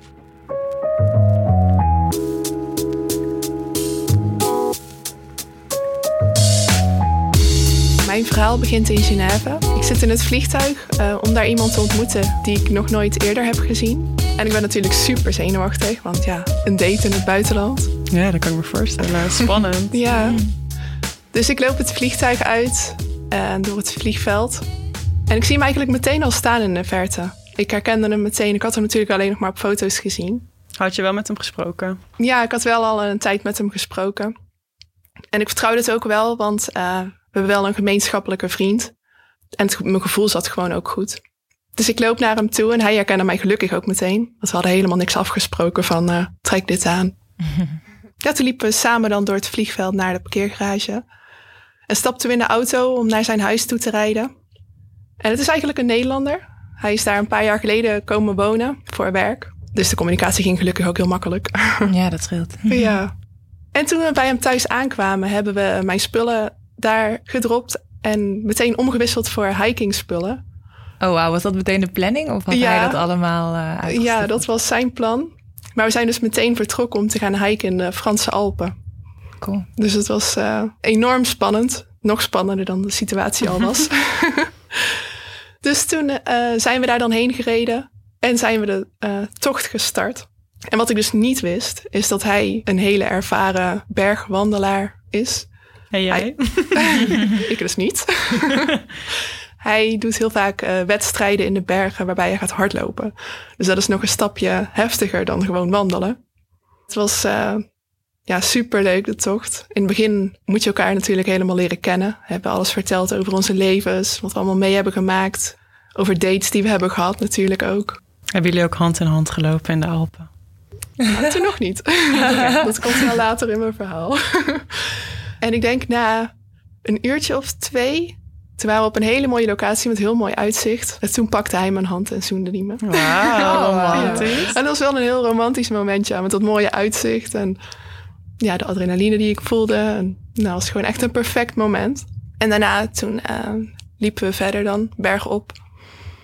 Maar omdat hij dus zo ervaren was daarin en ik niet, was er een enorm verschil in energie. Ik was na een paar uur echt super moe. En hij kon nog wel uren doorgaan, maar hij was een echte gentleman gelukkig. En zijn we gestopt en zijn we gaan liggen tegen de berg aan in het gras. En hij had eten meegenomen, dus heb een broodje gegeten daar. Klinkt echt super romantisch. Ja, dat was het ook. Weer super mooi uitzicht. Was je al een beetje verliefd aan het worden? Ik had wel een beetje kriebeltjes.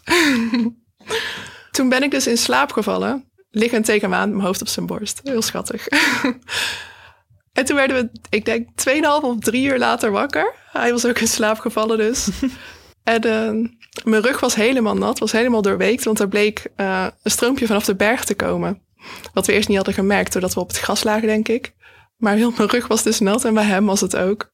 Dus we hebben toen al om moeten lachen. En toen zijn we, de, zijn we verder gelopen, de berg in. En het plan was, had hij uh, geregeld, dat we in een blokhut zouden overnachten. Wauw, nog romantischer. Ja, in de bergen. Maar omdat ik dus al zo moe was en dat nog uren lopen was, was dat niet meer haalbaar. Dus hij vroeg aan mij van, wat wil je doen? Wil je de tocht nou hervatten? Maar dan moeten we gewoon echt een tandje bijzetten en nog een paar uur flink doorlopen. Of zal ik een ander hotel boeken? Dan kunnen we het dal in en dan verblijven we daar. Dus toen heb ik maar voor de tweede optie gekozen. Maar had je wel spullen bij je om daar te overnachten? Ja, dat, daar had hij allemaal voor gezorgd. Oh, ja. Gentleman. Ja. En toen zijn we dus naar dat hotel gegaan. En gaan slapen om de volgende dag dan weer de tocht te hervatten. Oké, maar sliepen jullie bij elkaar of apart? Of? Wel op dezelfde kamer, maar twee aparte bedden. Okay. ja. En... Dus nog niks gebeurd de eerste avond? Nee, nee, nee, nee. de volgende dag zijn we dan weer verder gaan lopen door de bergen. En toen raakte ik er al een beetje aan gewend, denk ik. Het ging steeds beter. En ja, we leerden elkaar ook steeds beter kennen. En het bleek wel heel erg te klikken, wat heel erg leuk was. Superleuke gesprekken van urenlang. Want ja, je hebt verder niks om je heen. Dus je bent alleen maar met elkaar in gesprek. Ja, zo hebben we de tocht eigenlijk nog een paar dagen voortgezet. En toen zijn we weer naar hem thuis uh, vertrokken. Hij moest werken. Dus toen heb ik in mijn eentje Genève ontdekt. Wat ook super leuk was natuurlijk. Maar ik miste hem wel overdag. Dus dat was wel een goed teken. Leuk. Door deze hele ervaring ben ik echt helemaal uit mijn comfortzone gekomen. En het voelde zo goed. Ik had zoveel plezier en het was zo leuk. Dat ik toen heb besloten om naar Barcelona te gaan. Alleen, omdat hij moest werken natuurlijk ook. En ja, het was al heel wat om zoveel tijd al met iemand te besteden die je nog maar kort kent. Mm -hmm. Dus toen eh, ben ik naar Barcelona gevlogen alleen. Waar ik het ook heel erg leuk heb gehad. Ik heb daar meteen eh, een meisje ontmoet uit Zwitserland ook. En ik heb eigenlijk de rest van de dagen dat ik daar was ook met haar opgetrokken. En had je ook nog contact met... eh, Ja, ondertussen ook heel veel contact met hem. Wat ook heel leuk was en ook heel goed voelde. Toen op een gegeven moment stuurde hij mij van... Nicky, zou je het leuk vinden als ik je daar nog op kon zoeken? Na even erover nagedacht te hebben, dacht ik... Ja, dit moet ik gewoon doen, het voelt goed. Dus toen is hij naar mij toe eh, gevlogen. Had hij daar een heel romantisch hotel geboekt. Dus we hebben superleuke dagen met elkaar besteed in Barcelona. Lekker daar rondgewandeld, hand in hand. en heel veel gegeten, lekker op het strand gelegen samen. En dingen bezichtigd. En hoeveel dagen waren jullie daar dan? Want was het niet gek om al zoveel uur met een ja, onbekend iemand, laten we zo zeggen, door te brengen? Jawel. Ja, eerst was het dus in Genève en de Franse Alpen. Dat was vijf dagen of zes dagen. En daarna in Barcelona nog drie of vier. En het was natuurlijk wel wennen. Maar het voelde meteen heel erg vertrouwd. En we hadden ook een hele leuke band al snel met elkaar.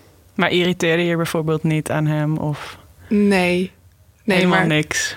Ja, het zal toch ook wel een beetje ongemakkelijk zijn geweest Ja. af en toe, of niet? ik houd wel heel erg van me-time. Dus het liefst was ik een paar uur per dag gewoon even alleen geweest. Maar het voelde lijkt me al bijna een beetje als een vriendje. Of was Ja. het anders? Ik was wel echt verliefd aan het worden. Ja, ik voelde me heel vertrouwd bij hem. En ik had wel kriebels in mijn buik. Ja. Nou, leuk. Ja, toen kwam het moment natuurlijk dat ik weer terug zou vliegen. En hij zou weer terugvliegen naar Genève. En dat was wel lastig, het afscheid. Want ja, je hebt toch wel best een tijd met elkaar doorgebracht. 24 uur per dag. Ja, ik gaf hem dus een dikke knuffel. En toen ben ik teruggevlogen naar Nederland. Maar hebben jullie daarvoor nog iets besproken van hoe jullie verder gingen? Of wat was het afscheid? Nee, we hebben het eigenlijk niet over gehad. Nee. Oh. Wilde je hem nog wel vaker zien? Of hoe is het verder gegaan? Nou, op dat moment was ik gewoon een beetje in de wolken. En de adrenaline die ik voelde. En ik was niet echt bezig met de toekomst. Ik was meer gewoon aan het genieten van het moment. Mhm. Wilde je hem niet meenemen naar Nederland? Nee, nee. Daar daar heb ik niet, niet echt over nagedacht op dat moment. Nee. De eerste dagen hebben we heel veel contact gehad samen. Miste je hem? Ja, die eerste dagen wel. Maar toen kwam ik weer in mijn normale ritme thuis.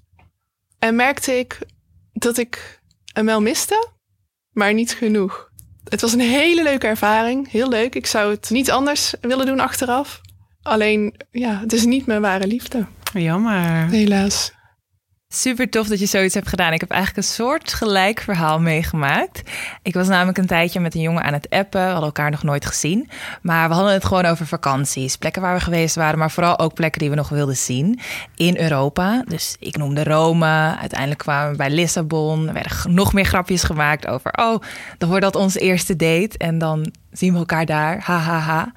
En dat bouwde zich op. Dat bleef doorgaan, dat bleef doorgaan, dat bleef doorgaan. Op een gegeven moment werd het iets waar we, nou ja, waar ik in ieder geval best wel naartoe begon te leven. Waardoor ik op een gegeven moment aan hem vroeg van, zullen we dit anders echt doen? Of hoe denk jij hierover? Zullen we gewoon echt in het buitenland onze eerste date gaan hebben? En daar dacht hij eigenlijk wel hetzelfde over. Want ja, het klonk gewoon te spannend en te zonde om dat niet ook daadwerkelijk uit te voeren. Dus toen hebben we een vlucht geboekt. En Lissabon was uiteindelijk onze keus geworden. Met een tussenstop in Madrid. Dus Waarom hebben jullie voor Lissabon gekozen? nou ja, Rome is natuurlijk een hele mooie stad, maar ik was daar nog nooit geweest en daar is echt heel veel te zien. En Lissabon is dan iets romantischer, is ook veel te zien, maar kun je ook wel gewoon leuk elkaar leren kennen, was ons idee. En we hadden dan nog Madrid als derde op de lijst staan en daar konden we mooi een tussenstop maken. Dus we hadden eigenlijk gewoon ja, de perfecte combi gevonden. Dus we hadden dat geboekt. En vervolgens afgesproken op Schiphol. Ik vraag me dan ook altijd af, wie boekt dat dan? Boekt hij dat? Boek jij dat? Of boeken jullie allebei apart een ticket? Ja, we hadden het eigenlijk soort van samen geboekt. Dus dat scheelde ook wel weer. We hadden elkaars paspoortgegevens gezien. En dat, dat maakt het ook wel iets meer betrouwbaar. En ehm, ja, toen zagen we elkaar bij incheck Bali nummer 21. en ja, dat was best wel heftig eigenlijk. Want ik stond daar dus te wachten. Voor het eerst in mijn leven was ik een keertje op tijd. En ik had met vrienden afgesproken dat ik hun een berichtje zou sturen. Ja of nee. Ja als ik hem leuk vond. Nee als ik dacht, oh shit, hoe moet ik dit nog overleven? En toen zag ik hem aankomen lopen met een grote tas. En ik dacht eigenlijk wel, ja, dit is in ieder geval een ja. En toen zijn we samen het vliegtuig ingestapt. En dat was natuurlijk super awkward, want we zaten daar in het vliegtuig ehm, te frunniken aan de stoel voor ons allebei. Geen idee van, eh, weet je wel, het was gewoon heel spannend. En elkaar waren we dus, en we waren elkaar dus toen aan het leren kennen. Dus ik denk dat de mensen om ons heen ook zoiets hadden van... wat is dit? Is dit hun eerste date? Of ja, ik weet niet of mensen echt aan het meeluisteren waren... maar als ze dat gedaan hadden, hadden ze waarschijnlijk wel gedacht... hoezo zitten zij samen in het vliegtuig... maar ze kennen elkaar helemaal niet? Wat ik me nu even afvraag. Ja. Had je wel het idee dat hij jou ook een ja vond? Oh ja, jawel. Jawel. Ja, ik denk het wel. We, waren, we klikten eigenlijk wel meteen. Het was wel heel gezellig vanaf het, vanaf het eerste moment. En wat je natuurlijk ook met zo'n trip wel meteen hebt, is dat er heel veel adrenaline, wat jij ook al zei, Ja. gaat heel veel adrenaline door je lichaam heen. Het is gewoon zo spannend dat je elkaar nog niet eerder hebt gezien en dan ineens met elkaar in het vliegtuig zit. En ja, het is ook niet iets wat je natuurlijk zomaar doet, maar het was wel in ieder geval heel gaaf om het mee te maken. Eh, dus we hadden toen ook nog een tussenstop ergens. En eigenlijk hebben we alleen maar hele leuke, gezellige gesprekken met elkaar gehad onderweg. En toen we daar aankwamen, was het eigenlijk al avond. Eh, dus ja, we hadden niet echt goed gegeten. Dus we zijn nog ergens wat gaan eten, een drankje gaan doen. Eigenlijk een normale eerste date. Behalve dat we natuurlijk daar een hotel samen hadden. En, Hoe zag ehm, hij er eigenlijk uit? Oh, hij is een, eh, ja, een lang, ja, lange blonde jongen. Gewoon mijn type. En ja, hij was heel schattig. Hij zag er heel schattig uit. Dus ook heel betrouwbaar zag hij eruit. Dus ja, dat was gewoon allemaal wel leuk. En eh, ja, toen kwamen we daar dus aan. En hebben we eigenlijk gewoon een drankje gedaan. En ik weet niet of het de drank was of dat ik gewoon te veel adrenaline had. Maar ik voelde mezelf wel echt helemaal dizzy en alles. Eh, maar in ieder geval was het echt wel een succes. Dus wij liepen s'avonds gewoon nog samen door Lissabon. Je hebt daar natuurlijk heel veel mooie plekjes om te bezoeken. Alles is mooi verlicht. Het was in mei. Het was gewoon een lang weekendje weg. En ja, dat is sowieso natuurlijk genieten. En ja, we hadden het echt heel erg leuk samen. Dus, Romantisch. ja, het was ook echt heel romantisch. Het is ook een hele romantische plek. Dus het kon niet anders dan dat het allemaal goed zou gaan. Tenzij hij natuurlijk niet leuk was geweest. En eh, ja, ook de volgende dag. ehm, ik weet nog dat we een grapje naar elkaar maakten. Want eh, hij, hij zei iets. Hij maakte een opmerking. Ik weet niet meer wat het was. En toen vroeg ik hem van... Oh, wil je anders even alleen zijn? Want hij zei iets in de richting van... Nou, ik ga straks even naar buiten of zo. Toen dacht ik, oh, misschien wil hij alleen zijn. Hij me nu al zat? maar dat bedoelde hij niet zo. Hij wilde gewoon naar buiten, maar wel samen, gelukkig. Dus toen zijn we gaan lunchen. En En jij was hem dus geen minuut zat. nou, nog niet, nee. nee, grapje, nee. Oh. Nee, ik was hem absoluut niet zat. Het was eigenlijk wel heel erg gezellig. En eh, we hadden ook wel met elkaar afgesproken van... stel nou dat het niet klikt of dat het niet leuk is... laten we gewoon eerlijk tegen elkaar zijn... en dan kan je gewoon je eigen weg gaan. Er is genoeg te zien in Lissabon. Ik vind het geen probleem om in mijn eentje naar een strandje... stadstrandje of zo te gaan. Dus dat... eh, Het lijkt me wel moeilijk als de ene zoiets heeft van ja, dit is het. En de ander zoiets van nee, Ja, wordt dan het had dat niet. heel awkward geweest. Ja. Maar gelukkig was dat niet zo. Eh, we hadden er allebei nog heel veel zin in. Ja. En eh, we zijn dus eh, ja, weer een hele dag samen in Lissabon gaan, gaan rondlopen. Ik denk dat het die eerste dag was of de tweede dag... dat we uiteindelijk ook nog vrienden van hem daar hebben ontmoet. Die woonden daar. Dus die hadden allerlei tips voor ons. Waren ze vrienden leuk en gezellig? Ja, hele Ja? leuke. Ja, ja, echt gewoon mensen die ook meteen bij mijn vriendengroep zouden passen eigenlijk.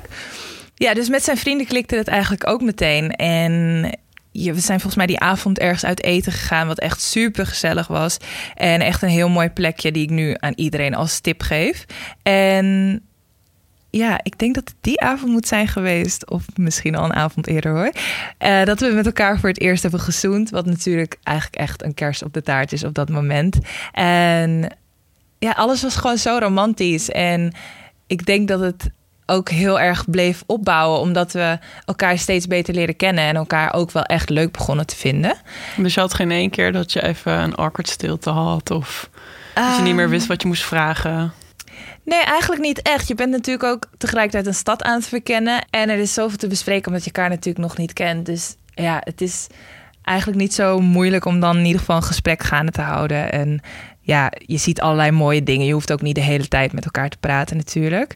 Ehm, op zich wel best wel spannend dat je gewoon met elkaar in één hotelkamer zit. En ja, toch best wel ook al, weet je wel. Je, je leeft eigenlijk met elkaar alsof je een relatie hebt, maar je kent elkaar net. En dat is best wel gek. En ik denk dat het ook wel scheelde dat we allebei wel op dezelfde golflengte zaten. En dat we ja, dezelfde dingen leuk vonden om te doen in de stad. Gewoon lekker uit eten, lekker lunchen en echt een beetje rondlopen en gewoon alles zien wat daar te zien is. Gewoon de typische dingen die je wilt meemaken van Lissabon en van Portugal.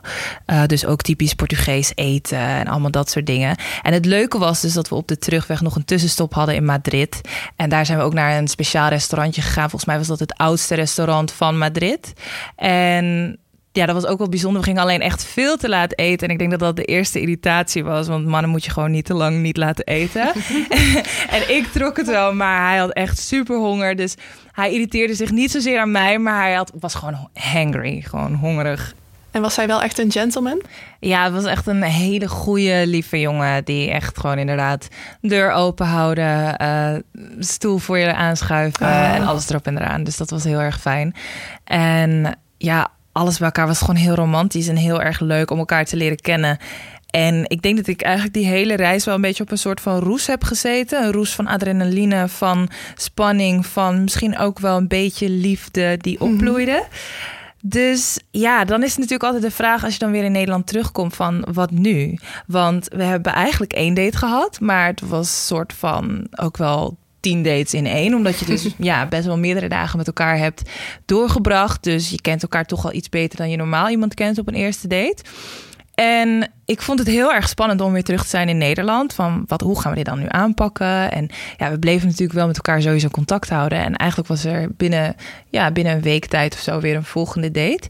En toen zijn we lekker uit eten gegaan. Hij was toen ook jarig, dus toen hebben we dat al soort van gevierd. Ook alles gaat natuurlijk dan wel een stuk sneller.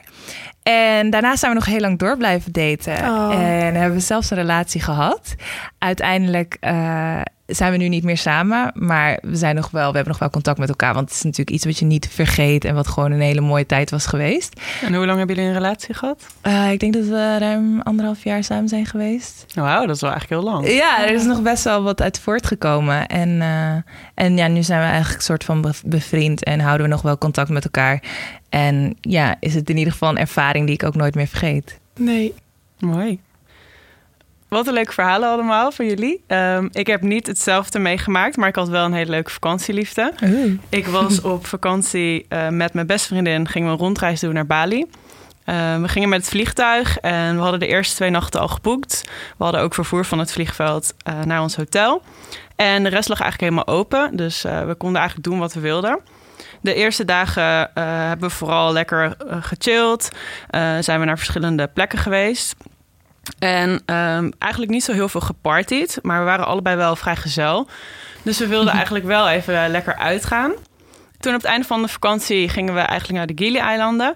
Eh, daar kan je vanaf Bali met een bootje naartoe. Dus daar zijn we naartoe gegaan. En eh, daar heb je echt super mooie stranden, witte stranden. Er zijn heel veel jongeren en daar kan je dus ook heel goed uitgaan. Leuk. Dus ja, dat was echt wat we graag wilden doen op het einde van onze vakantie. Dus de eerste avond gingen we meteen op pad. En lekker drankjes gedaan en lekker gedanst in verschillende kroegjes. En toen zag ik daar echt een hele leuke jongen. Eh, hij was helemaal gebruind, gespierd. Hij had lang haar en hij leek eigenlijk heel erg op Tarzan. Tarzan van de jungle. Dus mijn vriendin en ik zeiden al de hele tijd tegen elkaar van... oh, kijk Tarzan en eh, het is echt een lekker ding. Dus zag Dus- hij jou ook? Ja, we hadden op een gegeven moment hadden we dus de hele tijd oogcontact. En hij had best wel een hele indringende blik. Dus ik dacht, oh, oké, eh, hoi. Een echte Tarzan. Ja. en op een gegeven moment kwam hij dus naar me toe en begonnen we te dansen. En ja, we hebben gewoon even lekker gedanst, maar we wisten natuurlijk nog helemaal niks van elkaar. Dus op een gegeven moment gingen we een beetje kletsen en een drankje halen. En toen vertelde hij dus dat hij op het eiland woonde. En dat hij dus in, tussen de bananenbomen in een soort van boomhut woonde. Dus ik dacht, wauw, je bent gewoon echt Tarzan. Volgens mij had hij zich ook nog niet eens voorgesteld, dus het was gewoon Tarzan.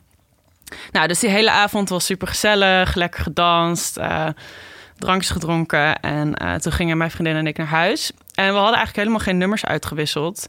Dat waren we eigenlijk een soort van vergeten ehm, door Oh. het dansen en de drank en doordat het dus zo leuk was. Dus toen kwam ik thuis en dan zei ik van, oh, ik, heb ja, ik weet helemaal niet zijn nummer. Ik kan helemaal geen contact meer met hem eh, opnemen, zeg maar.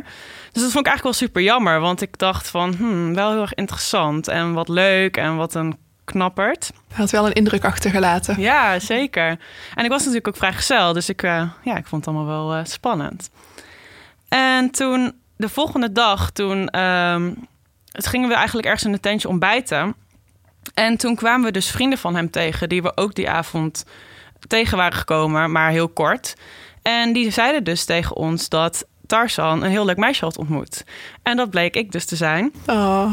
Dus toen hadden ze hem een bericht gestuurd om te vragen of hij ook kwam ontbijten. En toen kwam hij op zijn hele kleine fietsje, heel nonchalant, relaxed aangefietst met zijn haren in de wind. Van, uh, hi, ja, daar was hij dus. Hij sprak trouwens Engels, want ja, hij woonde natuurlijk op het eiland. En um, ja, toen hebben we lekker ontbeten met z'n allen. En toen hebben we dus uiteindelijk wel nummers uitgewisseld. Dus ik dacht, nou, dat wordt leuk. We kunnen de hele vakantie samen doorbrengen. Alleen, ik ging de volgende dag snorkelen. En toen had ik mijn telefoon in het water laten vallen. Nee! ja. Oh, wat balen. Dus toen had ik weer zijn nummer niet. Maar um, ja, we liepen die avond uh, na het snorkelen liepen we weer uh, over het eiland. En toen zag ik hem weer, poempiedoempiedoem, op zijn fietsje, aangefietst. Dus ik kwam er weer tegen. Dus dat was eigenlijk ook best wel raar. Dat ik op een gegeven moment dacht van...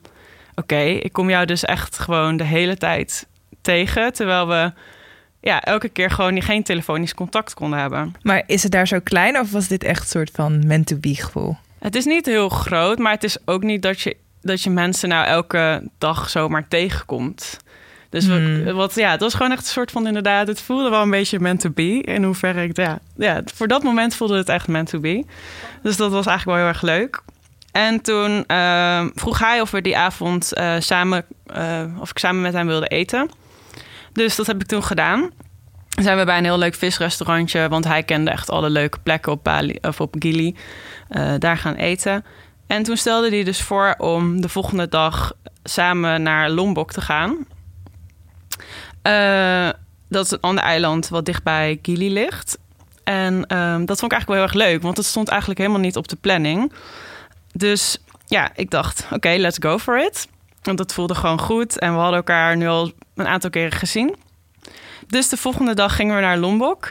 En mijn vriendinnetje die wilde eigenlijk ook wel mee. En uh, dat vond hij ook goed. Dat had hij eigenlijk ook gevraagd. Omdat zij anders ja, in de eentje overbleef. Dus dat was een beetje lullig voor haar. Maar was er dan wel echt iets tussen jou en hem? Of was het meer een soort van vriendschapsding? Nee, er was wel echt iets tussen ons. Oké. Okay. Want wij hadden wel een speciale klik. En hij kwam ook de hele tijd naar mij toe. En we hadden de hele tijd samen... Hij raakte me af en toe een beetje aan. En het was wel echt tussen ons. Dus zij was wel een beetje derde wiel aan de wagen. Maar, maar ze mocht mee. Ze mocht mee. Dus we gingen met een lokale boot uh, naar Lombok. En hij had dat dus geregeld. En daar zaten dus echt alleen maar mensen op die uh, ja, Indonesisch waren. En die hadden eigenlijk nog niet echt heel vaak toeristen gezien.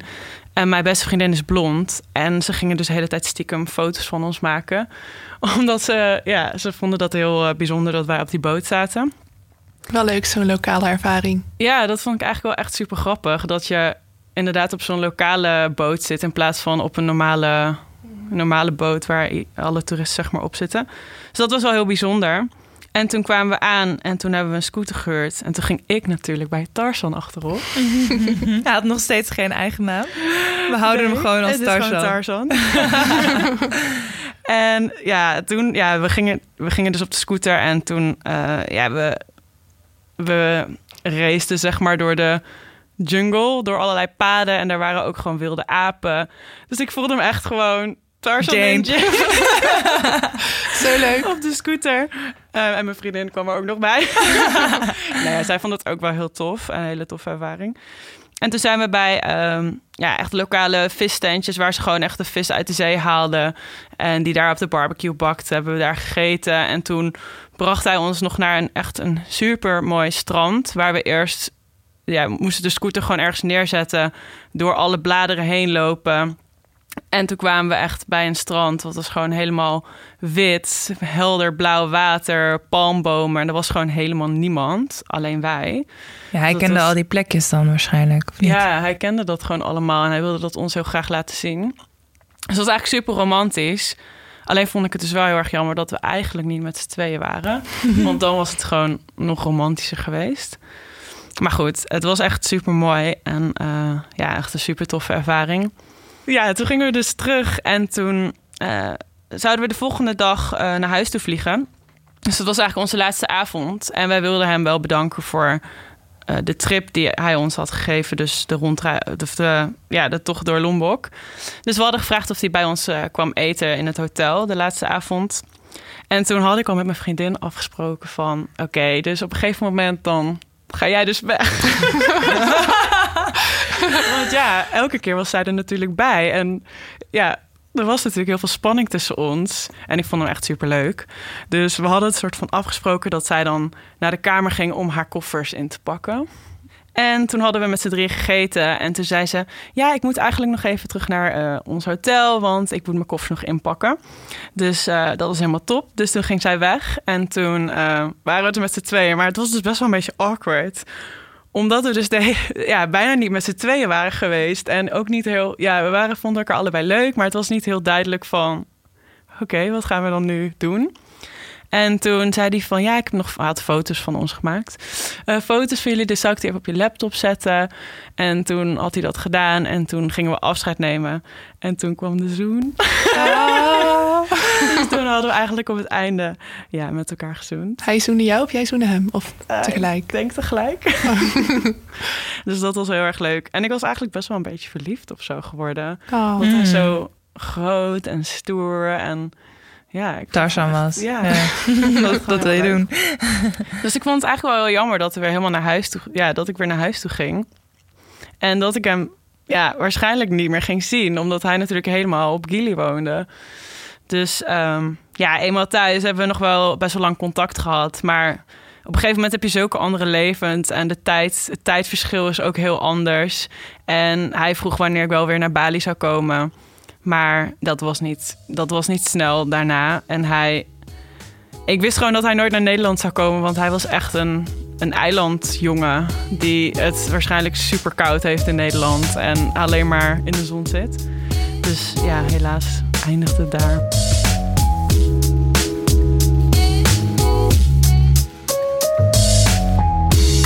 Leuk dat je luisterde. De Spannendste Reisverhalen is een podcast van TUI. Abonneer je op de podcast om een melding te krijgen als er een nieuw avontuur online staat.